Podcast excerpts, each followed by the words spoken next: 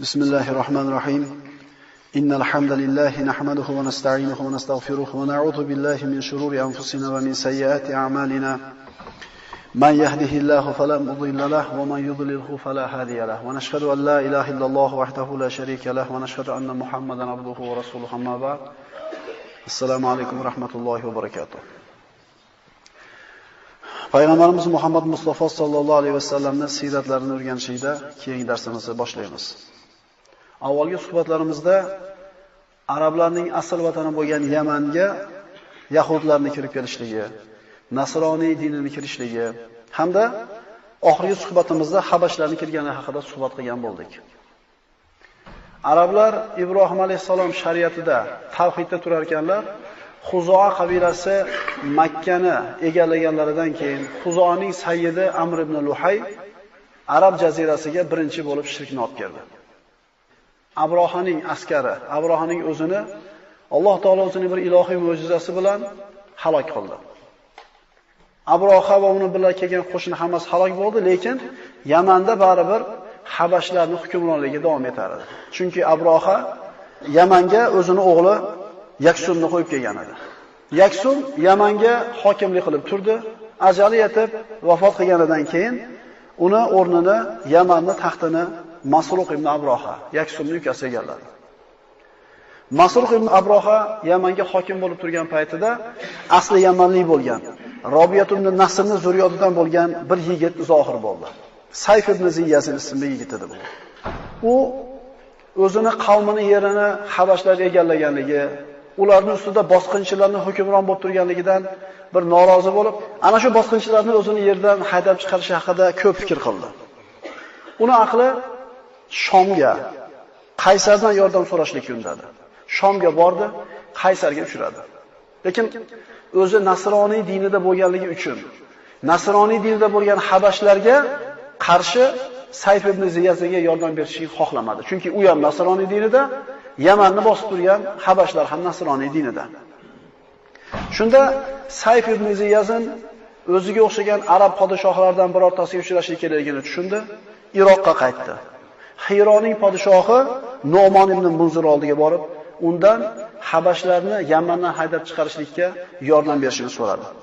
Nomon ibn Munzir mana o'zi asli Yamanlik bo'lgan, uni bobolari Iroqqa, Hiroga qarab ko'chib borgan edi. Nomon ibn Munzir katta podshohlardan edi, arablar orasida. U Sayf ibn Ziyazinga aytdiki, "Meni mulkim va qudratim habashlarni yengishlikka yetmaydi. Men senga yordam bera olmayman. Lekin har yili men bir marotaba Kisroni ziyorat qilishlikka boraman. Forslarning podshohi Kisroni ziyoratiga boraman. Xohlasang, seni ham olib boraman, undan yordam so'raysan." Ana shu davrdagi eng qudratli podshoh Forslarning podshohi Kisro edi. Undan keyin Qaysar turadi, Rumning podshohi. Sayf ibn Ziyazin rozi bo'ldi, Xiroda, Iroqda o'tirdi.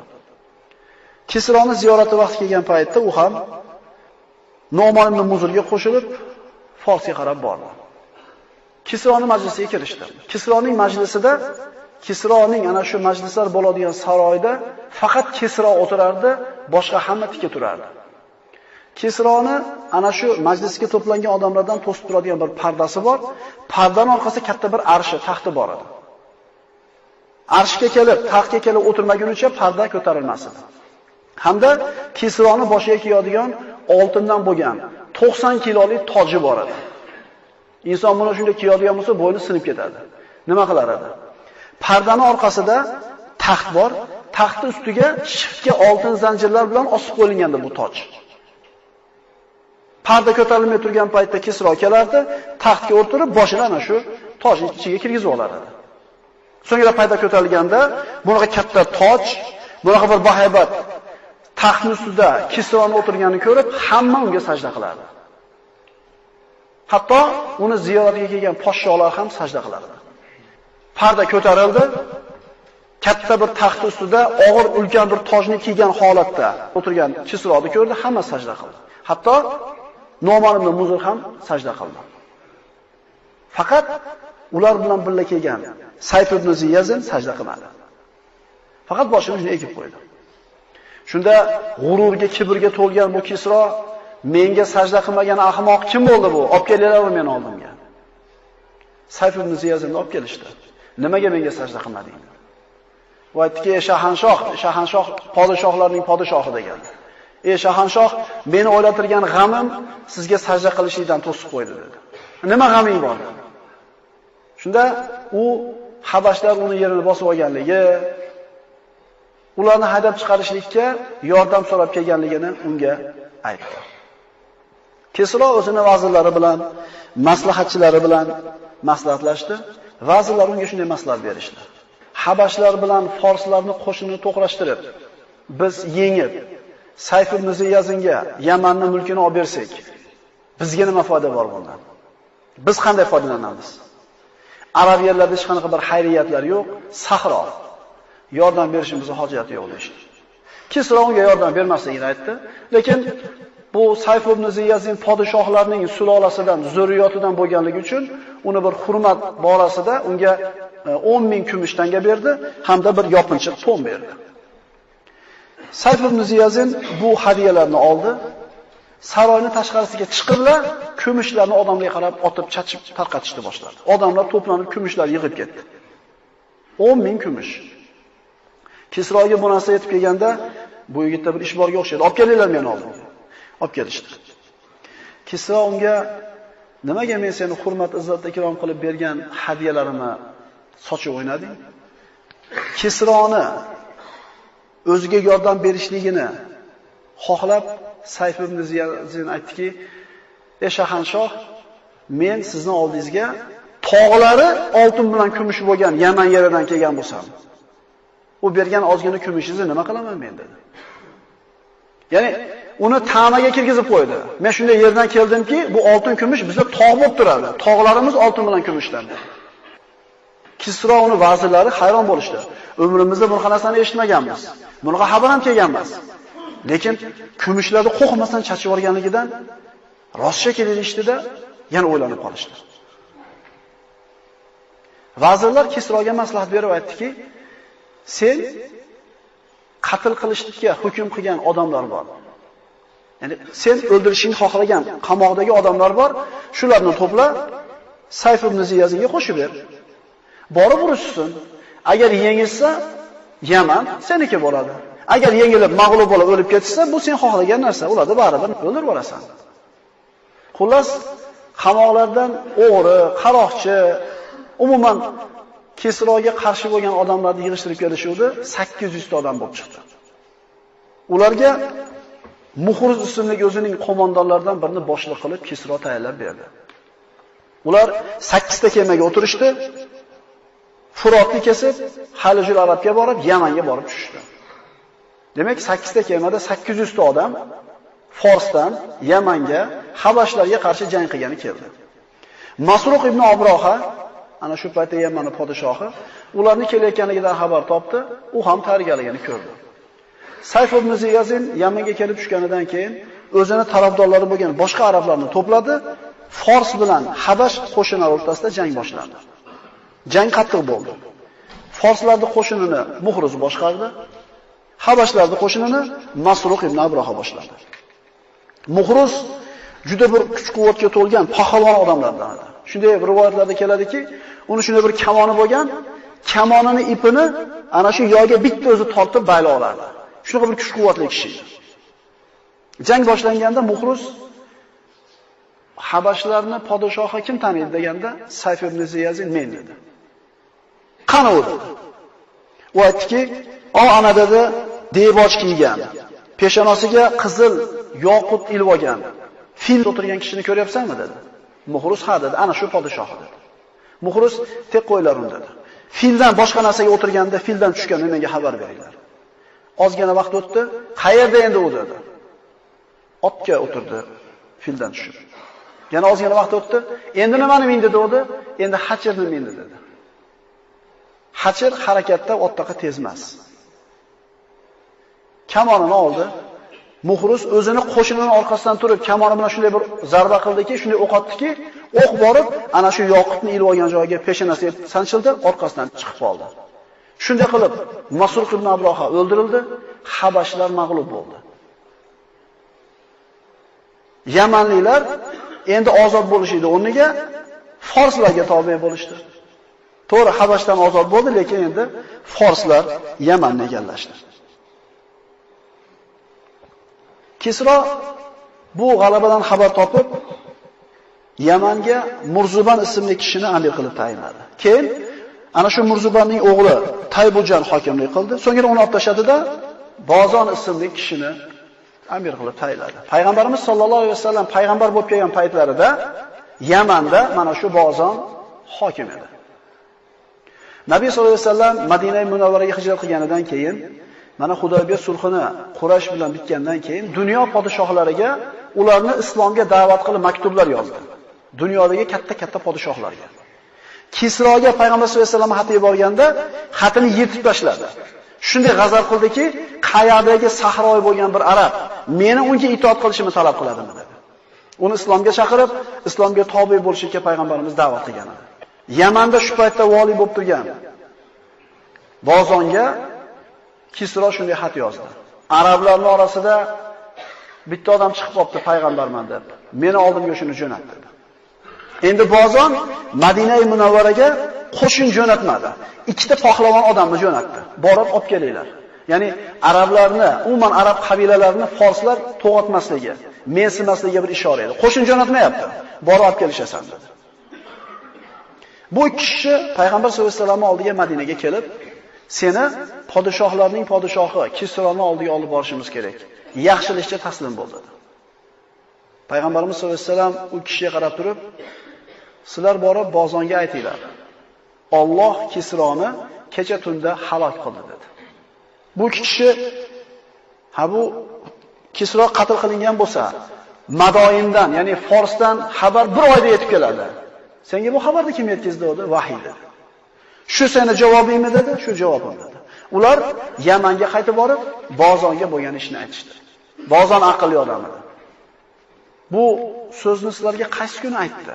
A falon falon kuni. Kutib turamiz dedi.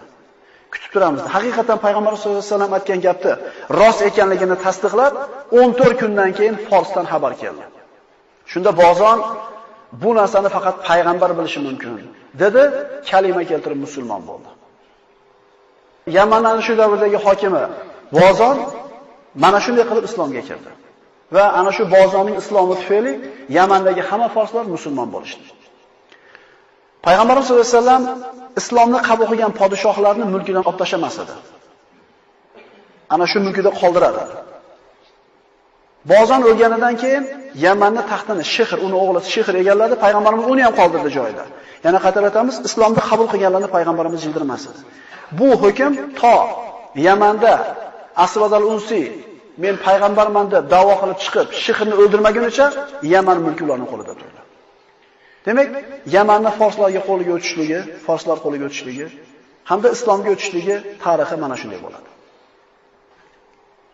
Payg'ambarimiz Muhammad Mustafa sollallohu alayhi vasallamning hayotiga taalluqli keyingi qissaga o'tamiz.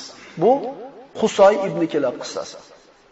Husoy ibn Kilab payg'ambar sollallohu alayhi vasallamning ajdodlaridan, bobolaridan bo'ladi.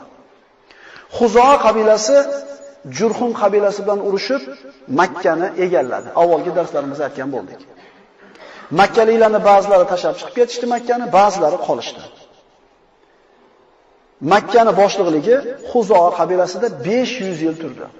500 yil Huzoa Makkaga hukmron bo'ldi.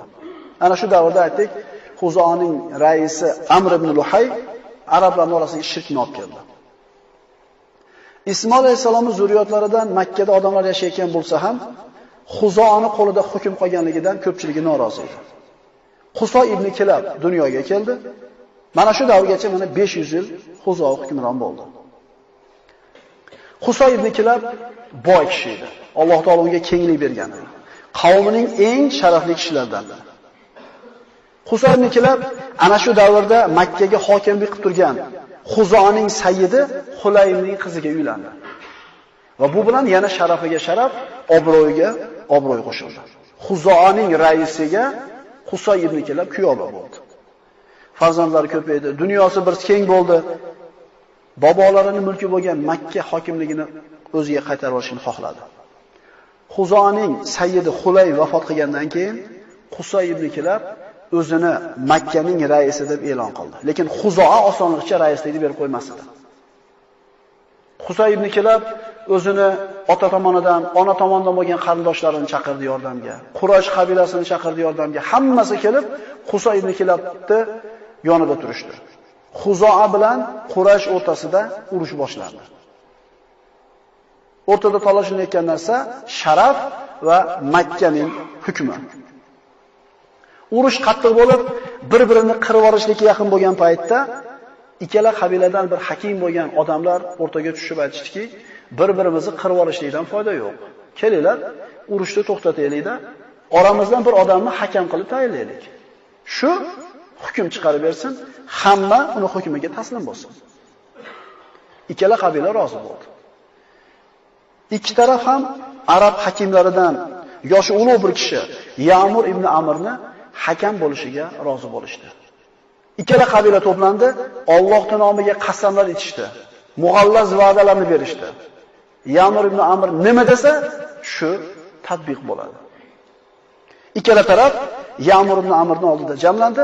Ikki tomon ham hujjatini keltirishni boshladi. Husayn kelib aytdi, Makka meni bobolarimning mulki. Makkada birinchi bo'lib yashagan meni bobom Ismoil. Ka'bani ham bobom qurgan, Zamzam ham Ismoilga berilgan. Xuzo qabilasi bosqinchi, to'g'ri 500 yil yashadi, lekin ular bosqinchi. Makka meniki dedi. Xuzo qabilasi esa hujjat dalil keltirishlikka biror bir narsani o'rtaga qo'yisha olmadi. Shunda Ya'mur ibn Amr hukm qildi. Hamma narsa Qusa ibn Kelabniki dedi. Siqoya, rifada, hijaba, kisva, nadva hammasi. Xuzoga hech narsa yo'q. Adolatli hukm bo'ldi. To'g'ri 500 yil hukmronlik qilishdi, lekin ular bosqinchi edi. Shunday qilib 500 yil o'tganidan keyin Qusay ibn Kilabning qo'liga, Qurayshning qo'liga Makkaning hukmronligi o'tdi. Qusayning sharafi yana ham ziyoda bo'ldi. Odamlarga keyingi qildi. Ularga ehsonlar qildi. Odamlarning qalbida muhabbatga sazovor bo'ldi. So'ngra Qurayshga Dorun Nadvani qurib berdi. Dorun Nadva bu bizni tilda aytganda parlament. Qurashda qanaqa bir maslahatlashadigan katta ishlari bo'lsa, qanday bir chigal masalalar bo'lsa, shu yerda yechilar edi. Agar biror qabilaga urush e'lon qilmoqchi bo'lsa, shu yerda e'lon qilinardi. Hatto payg'ambarimiz sollallohu alayhi vasallam hijratga chiqib ketishlikdan oldin u zotni o'ldirishlikka qilingan maslahat shu yerda bo'lgan. Badr g'azotiga chiqishlik haqidagi maslahat ham Dorun Nadvada bo'lgan. Hamma sharaf Dorun Nadvada bo'ldi. Qusay ibn Kilab Qurayshning sayyidi manatik Makkani yakka raisiga aylandi. Qaradi.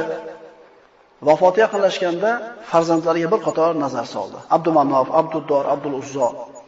Bu farzandlarini hammasini Quraysh hurmat qilar edi, sharafli deb bilar edi. Faqat eng katta farzandi Abduddorni biroq hurmat qilmasdi. Sharafi yo'q edi. O'lib ketganidan keyin Qusoy mana shu katta bolasi sharafsiz qolib ketadimi deb g'am qildida, u o'lim to'shagida yotar ekan, hamma farzandlarni yig'ib turib, menda nimaiki bo'lsa, hammasi Abduddorga, boshqa farzandlarimga hech narsa yo'q dedi. Ka'baga qarash, hojilarga suv berishlik, nadva, Ka'baning hijobasi, siqoya hamma narsani Abduddorga berdi. Sharafi yuksalsin dedi. Boshqa farzandlar rozi bo'lishdi otasining hukmiga. Abduddor sharafli bo'ldi, hurmatli bo'ldi. Vafot qilganidan keyin Abduddor Qusa ibn Kilabni boshqa nevaralari Abduddor urug'i bilan talashdi. Qusay hamma narsani Abduddorga beruvdi, hurmati yuksalishligi uchun hurmatlandi, sharafli bo'ldi. Endi biz ham haqqimizni beringlar dedi. Talashdi, urushga yaqin bo'lgan paytda oxiri kelishdi. Qarang, odamlar yer talashib, boylik talashib, amal talashi urusda bular sharaf boshi urushyapti. Ya'ni Ka'batullohning xizmatini qilishlik, hojilarga xizmat qilishlik bu sharafni cho'qqisi edi ular uchun. Bizda hozirgi kunda sharaf nima? Nima bilan o'lchanadi? Rasululloh sollallohu alayhi vasallam mana 35 yoshga kirganlarida Ka'bani devorlari yiqilishga yaqin bo'ldi. Ka'bani Quraysh ta'mir qilmoqchi bo'ldi. Ana shu nechta urug' bo'lsa to'planib turib, aka-uka bo'lib kelishib, Ka'bani toshlarini, devorlarini yiqitishdi. So'ngra qaytadan urushdi. Urayotgan paytda Hajarul Aswadni o'rniga qo'yishlik kerak bo'ldi. Shu ham sharaf. Ya'ni shu bilan faxrlanadi odamlar. Biz qo'yganmiz deyish kerak edi, faxr, sharaf. Bitta toshni o'rniga qo'yib qo'yishlikda kecha aka-uka bo'lib turgan qabilalar bir-birini go'shini yeyishga tayyor bo'ldi. Ya'ni ko'ring bular nimani orqasidan sharaf, nimani orqasidan urushgan bular. Biz nimalarni qo'yib yuribmiz, ular nimalarni qo'ygan. Toki arablarning tabiatini bilib qo'yaylik. Nima uchun islom ularning qo'liga tushdi? Nima uchun islom bular ko'tarib chiqa oladi? Xullas, Husayn ibn Kilabni zurriyoti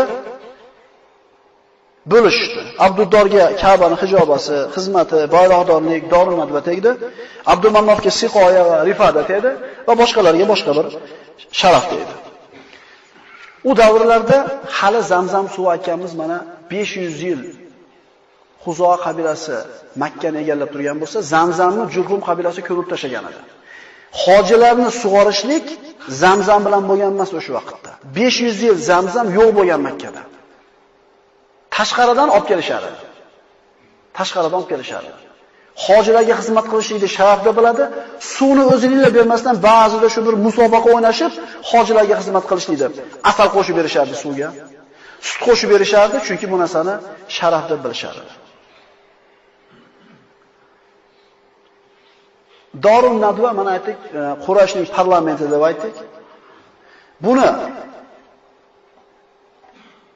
Payg'ambarimiz sollallohu alayhi vasallam payg'ambar bo'lib kelganlaridan keyin mana Hakim ibn Hizom ismli kishi Dorun Nadvani sotib oldi. Uni sotib olish tarixi ham nihoyatda ajoyib. Sotib yuborish tarixi ham ajoyib. Dorun Nadva Banu Abduddor urug'ida bo'ldi xizmati. Ana shu Banu Abduddorlik kishi kalitlarni ushlab turadigan kishi Hakim ibn Hizom bilan aroq ichib o'tirardi. Aroq ichib mast bo'lib aql uchib turgan holatda Hakim ibn Hizom kalit egasi bo'lgan Abduddorlik kishiga menga Dorun Nadvani sotmaysanmi dedi. Sotaman dedi. Qancha dedi. Bir mesh aroqqa dedi. Dorun Nadvasi shunisiga sotiladimi? Qurashning sharafi bo'lgan shunday bir hovli bir mesh aroqqa sotiladi, lekin mast. guvohlar keltirildi, hujjatlar tuzildi, va'dalar berildi. Xullas, Dorun Nadva Hakim ibn Hizomga bir mesh aroqqa o'tdi. Hakim ibn Hizom sotib olishi shunday bir ajoyib bo'ldi. Sotish qanday bo'ldi? Hakim ibn Hizom islomni qabul qildi, To'rala xalifa davrida yashadi, uzoq umr ko'chirgan kishilardan bo'ldi. Muoviyat ibn Abu Sufyon xalifa bo'lib turgan paytda 100 ming dinorga sotdi. Dorun Nadvani. Shunda Muoviya Hakim ibn Hizomni malomat qilib aytdiki, Qurashning sharafini dedi. 100 ming dinorga sotdingmi dedi. Hakim ya amiral mu'minin dedi. O'zi bir mesharaq qolganman dedi. Undan tashqari sharaf endi Qusay ibn Kilob qurgan uy bilan emas, taqvo bilan dedi.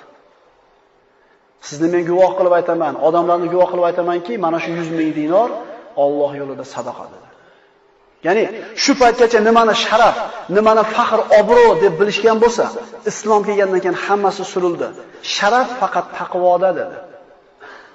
Biz ham sharaf qo'yadigan odamlarmiz. Biz nimalarni sharaf deb yuribmiz? Jonini berishga tayyor edi mana shu sharaf uchun. Islom kelganda hammasini surdi. Sharaf taqvoda deyishdi. Biz sharafni nimada istayapmiz? Kelinglar bizni sharaf haqida gaplashamiz zamonamizda. Bizdagi obro', sharaf nimalar bilan o'lchanadi? Boylik, uy, mashinasi, qanaqa amalda turishi, kimlar bilan yurishligi, qaysi to'dan odamligi, sharaf shu. Ko'proq ayollar nimani sharaf deb belgilab bersa, shuni sharaf deydigan bo'lib qolingan. Uyat bo'ladi dadasi, shunaqa qilmasak odamlar ichida uyat bo'lamiz. Sharafimiz nima bo'lib qoladi? Shavla ketsa ketsin, obro' ketmasin. Bitta to'yda o'tkazib, 6 oy qattan oyida o'tirib. Shu sharaf, u o'sha ayollar belgilagan sharaf bo'ldi. Biz nima bo'libdi endi o'sha bo'lsa, bizga nima deyishimiz mumkin-da. Mana ko'rib qo'yinglar, payg'ambar sollallohu alayhi vasallam tarbiyalagan odamlar qanaqa odamlar edi? Shunaqa yomon odamlarni islom tarbiyaladi. Bizni islom tarbiyalayaptimi? Taqvo bilan o'zimizni boshqalardan baland yo pastda o'lchaymizmi? O'zimizga savol beraylik-da. O'tmishini bilmagan elni kelajagi bo'lmaydi. Mana islom ummatining o'tmishi. Islomdan boshqa narsani sharaf degani xor bo'lgan ular. Umar ibn Hattob roziyallohu anhu aytadi: "Azizlikni islomdan boshqa narsada istaganimizda xor bo'lganmiz.